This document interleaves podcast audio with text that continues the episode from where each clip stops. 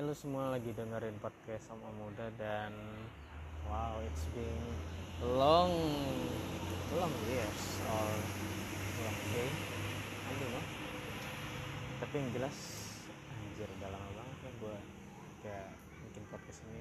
Tapi kayak nggak ada yang peduli juga ya.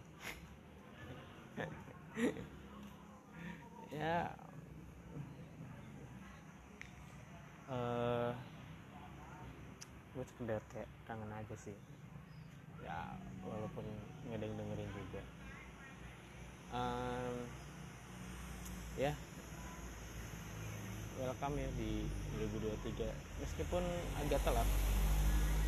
Gua, gua ngerekam ini di tanggal 18 Januari dan ya I don't gila ya gue sih nggak nggak nyangka sekarang udah 2023 dan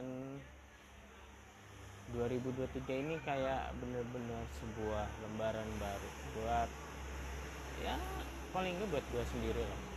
Walaupun ya kayaknya ada sih buat beberapa orang. Uh, I mean like uh, vibesnya agak agak beda aja gitu dibanding 2012 sebelumnya. Uh, kayak orang tuh uh, terasa seperti tercerahkan gitu di 2023 ada yang memulai hidup baru atau ada yang seperti bilang kerja. Uh, ya yeah, well whatever uh, yang terjadi sama lo uh, semoga lekas membaik. Dan buat gue juga uh, kebetulan gue juga ini sih. I mean kayak 2023 ini tuh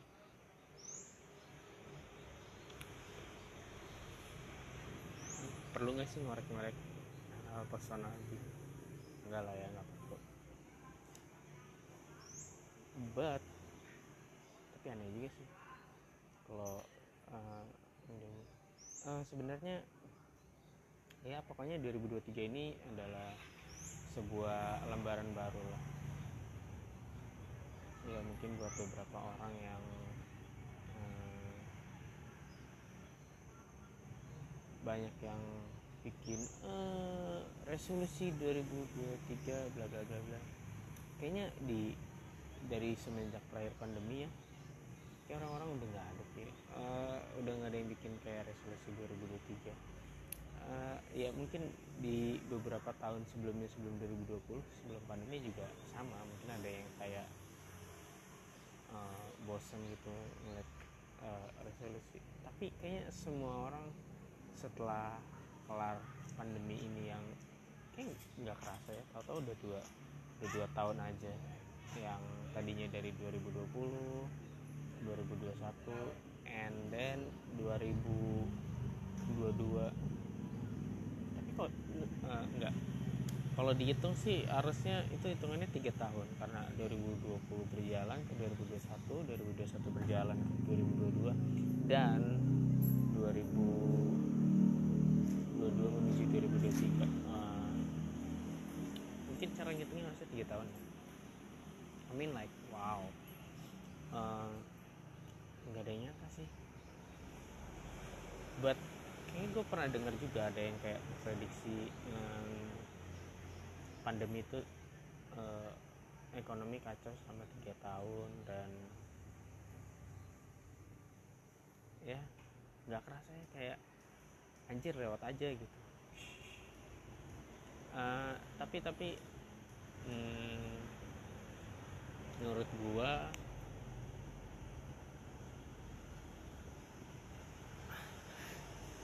kita di dihadapkan sama sesi katanya. Tapi menurut gua ya sama aja ya. Uh, dan hal yang konyol dari pandemi ini menurut gua everything was changed man. I mean like ya paling yang kayak berubah cuma protokol-protokol aja ekonomi dan pekerjaan lainnya pun enggak nggak semudah itu rasanya. Kayak perusahaan tuh masih jadi kayak lebih sering mangkas-mangkas sesuatu gitu. Makin tahun makin sini ya I don't know.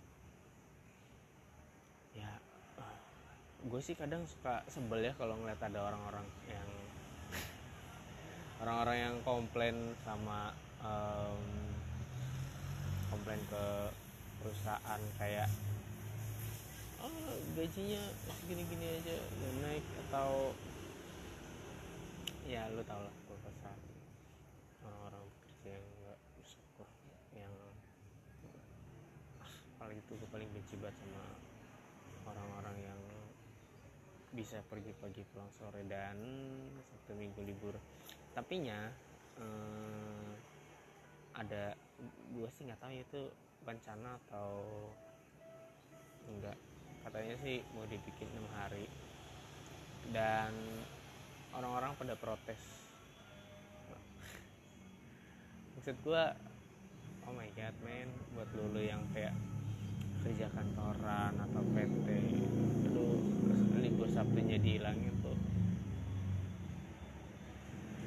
Gue sih pengen ya ngomong ke salah satu orang yang ngeluh gitu ngomong kayak e, lu resign aja kerjaan lu buat gue udah gitu aja gitu aja gitu dulu daripada ngeluh kayak gitu. Allah men ada banyak di luar di luar di luar sana tuh pekerjaan yang jauh-jauh berkali-kali lebih pahit tuh banyak men. Ya meskipun kehidupan gua nggak sepahit itu ya but I think lu, bodoh gitu.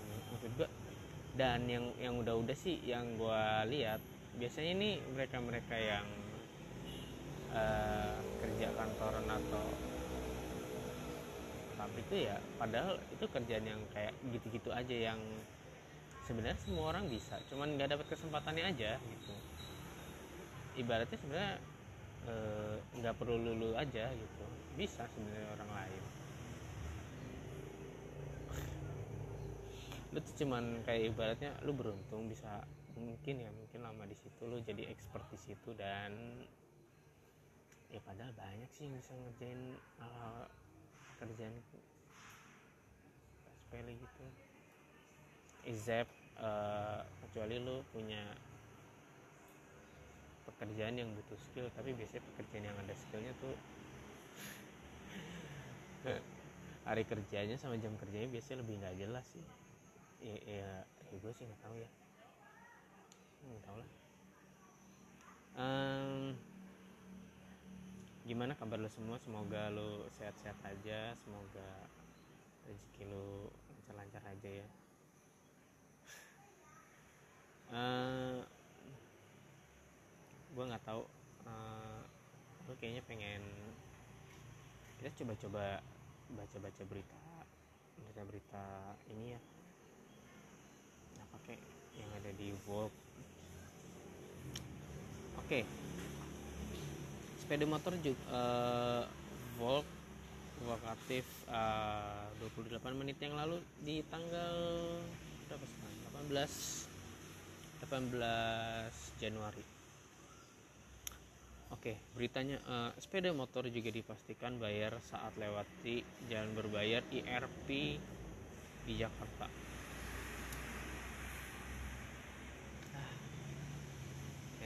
Again ya.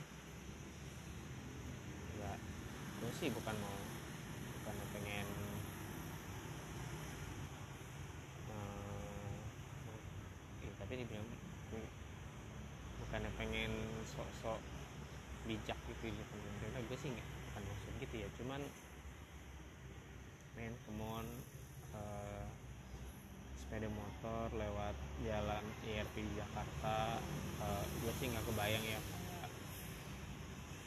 lu ja gue ngerti uh, mungkin maksud pemerintah tuh pengen uh, mengurangi kemacetan di Jakarta.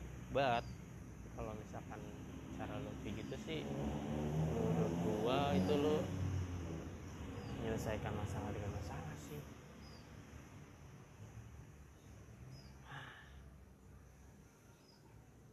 uh.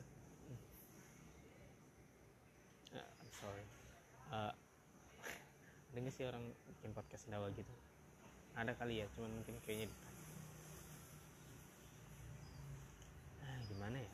Sepeda motor Jakarta. Ya i- yang gue jadi bingung sih itu ntar duitnya ke mana? Ke mana?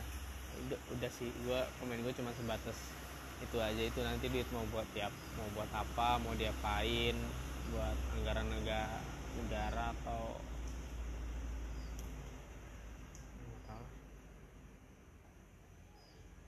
oke. Oh ini uh, masih tentang ERP yang sama beritanya. Masih default ya. Uh, kalau misalkan ada yang punya ide bisa ya, ya gue sih paling podcast ini gue kasih ke orang yang eh paling dengerin orang yang kenal doang sih. Uh, tapi ya udah uh, buat yang buat yang uh, nggak kenal gue mungkin ngedenger podcast gue dari Instagram. Uh, email aja kok. Kalau pengen kayak oh enggak kalau enggak DM aja gue uh, gue uh, lu pengen gue bacain berita dari sumber mana ya ya nggak tahu sih nggak yang juga kayaknya Uh, Jakarta diprediksi bisa kantongi 60 miliar per hari dari jalan berbayar ERP. Wow. Um, uh, gua, gua sih nggak tahu ya. Oh my god. Seriously? Uh, Volk yang komen cuman 26 orang. Apakah uh, oh kolom komentarnya nggak nggak ini ya nggak nggak di limit ya? Wow gokil ya cuman 26 yang komen. Serius nih? Tapi banyak ini gue scroll anjir tiba-tiba jadi seribu. Um, ya uh, yang jelas gue masih belum ngerti ERP itu kayak gimana bentuknya apakah nanti semacam dibikin jalan tol. But kalau misalkan dibikin kayak jalan tol sih ya lu bikin tambah macet lagi men menurut gua. Lu lu pernah kan naik kayak tol terus lu ngantri di pembayaran tiketnya. Ya meskipun lu pas ke dalam jadi nggak macet tapi kalau jumlah usernya banyak ya tetap aja. Ngaruh. Ah itulah kenapa jadi peduli tentang negara? Ah podcast ini paling cuman isinya om-om Grampi yang ngomentarin kehidupan sosial yang fuck up Oke, okay, 23 Januari resmi ditetapkan sebagai Hari cuti bersama peringati Imlek. Wah, oh my god. Gue ada jokes tentang ini tapi ntar orang-orang yang merayakan Imlek tersinggung. Jangan. Uh, gue tuh punya kebiasaan buruk buat ngata-ngatain orang dan gue mengutuk diri gue untuk tidak ngata-ngatain orang jadi Oke, okay. uh, Agnes mau bela siswa penari yang jago dansa tapi disebut generasi rusak. Oh. Again ya. Ini sih uh, eh, gue nggak tahu sumbernya dari mana, tapi uh, ini kalau mau nyalain gue ntar salin vlog aja ya. uh, gue ke posting kayak screenshotan WhatsApp yang diposting sama SMPN 1 Ciawi uh, di sini ya videonya nggak bisa gua klik sih cuman um, intinya mungkin video ini ngeliatin anak-anak SMP dansa atau nari gitu. Dan si SMP yang Ciawi ini oh, ngomongin generasi muda muslim sudah mulai dipengaruhi dengan budaya asing SMP yang satu Ciawi memasukin kurikulum dansa dalam pelajaran ekstrakurikuler dalam materi pembelajaran kenapa rakyat masih terkenal melihat generasi penerus bangsa rusak seperti ini oh my god.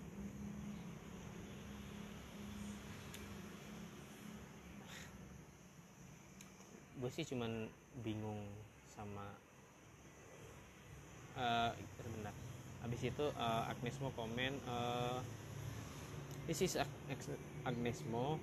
Kalau boleh sepertinya punya prestasi itu bukan sesuatu yang harus minta maaf kok punya prestasi itu harus dibanggakan lalalalalalalalalalalalala ya intinya uh, Agnes mau ngebela kalau misalkan lo punya sesuatu bakat gitu ya ya udah go, go with it aja dan kebetulan itu kayaknya se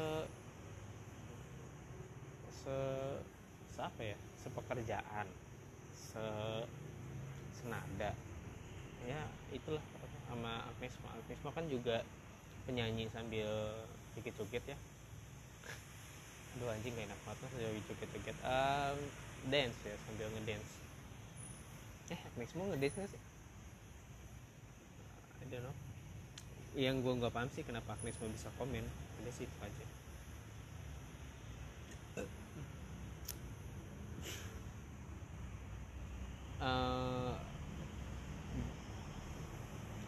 yang gue tahu dan tolong perkataan gue ini jangan ditelan mentah-mentah ya, kalau misalkan salah ya koreksi aja.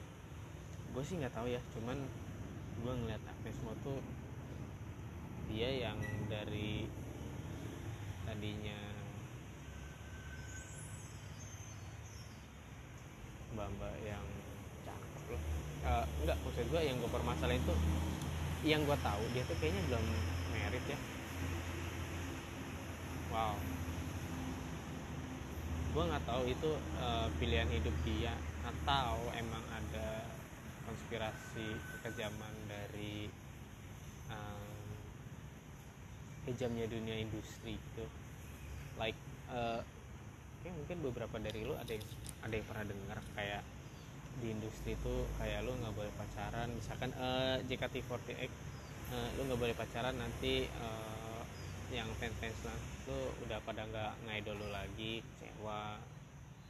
Uh, ya begitu nggak gila Agnes tuh dari dari zaman gue bocah men. Itu udah terkenal. Kayak zaman gue SD itu mungkin sekitar tahun 2000-an awal oh my god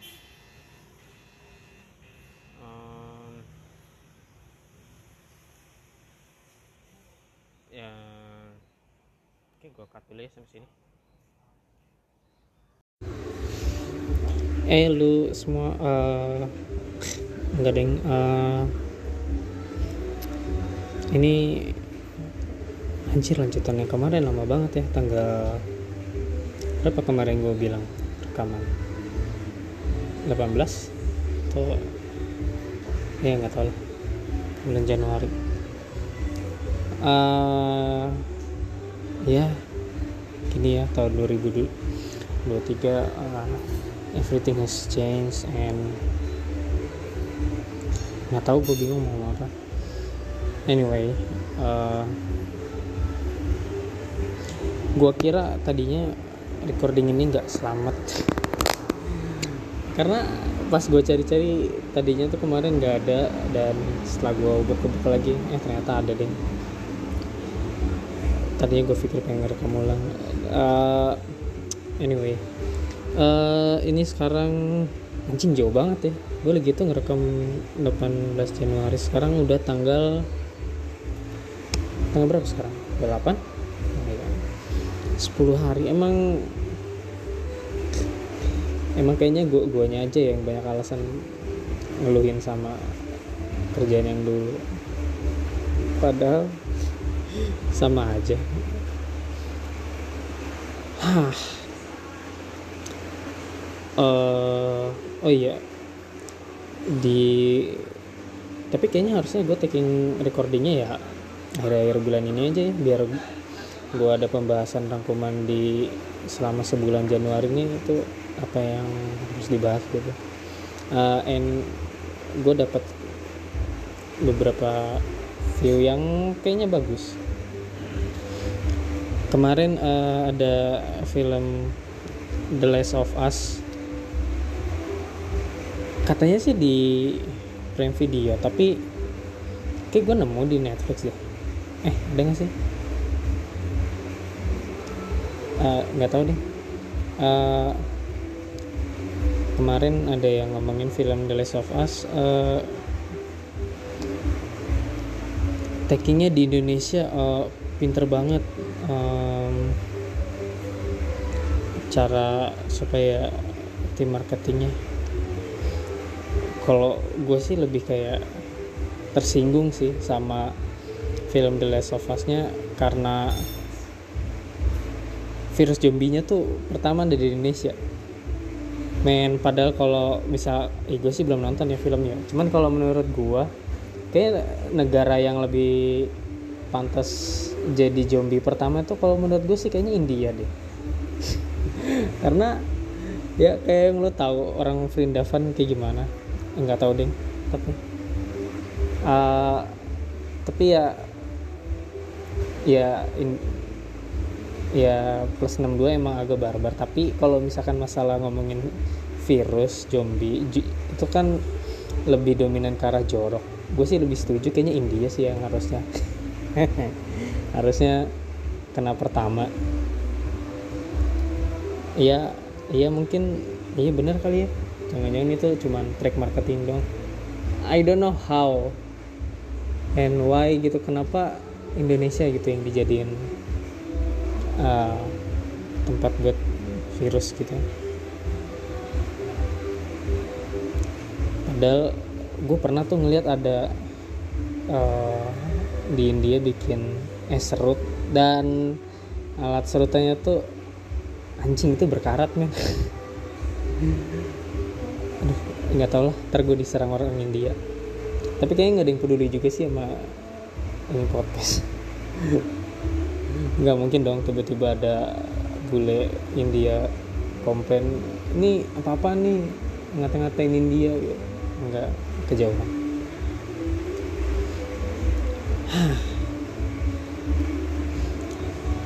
Eh, bentar lagi bulan Februari dan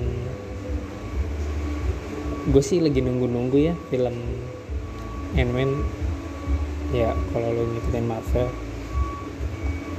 Tapi ngomong-ngomong Marvel eh lu pada setuju gak sih sama yang dilakukan Thanos? Sebenarnya yang di di MCU sama di komik tuh ya buat yang lo mungkin belum tahu ya. Kalau di komik eh, Thanos tuh dia iya sama ngumpulin semua lima lima apa enam ya? Times eh Infinity Stone yang gue lupa. Tapi kayaknya harusnya sih enam ya. Itu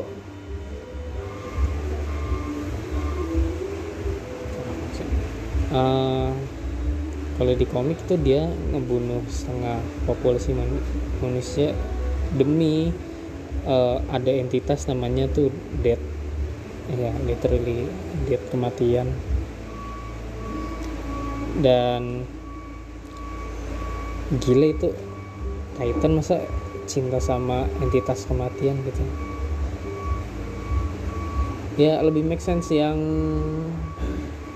di MCU sih. Gue nggak ngerti di MCU kenapa dia disebut villain.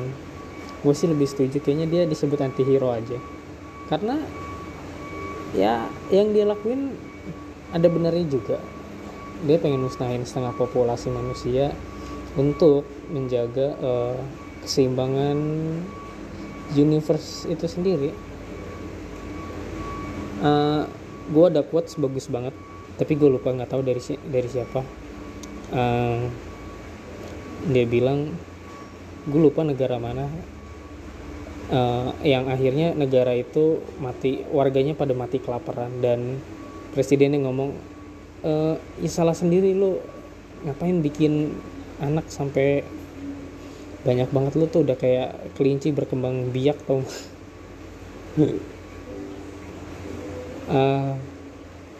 n- nggak tahu ya. Tapi kalau gue jadi presidennya juga gue mungkin bakal melakukan hal yang sama.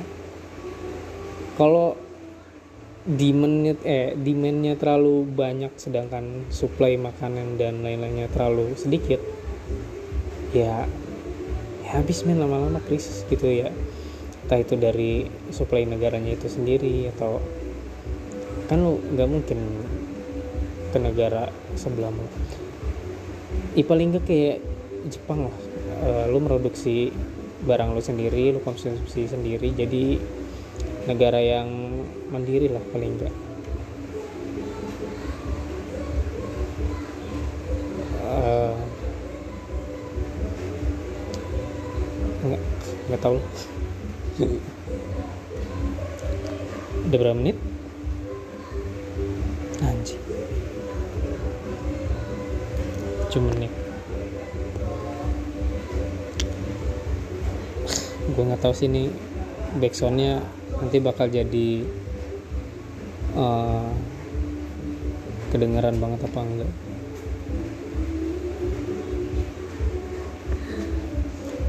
Eh,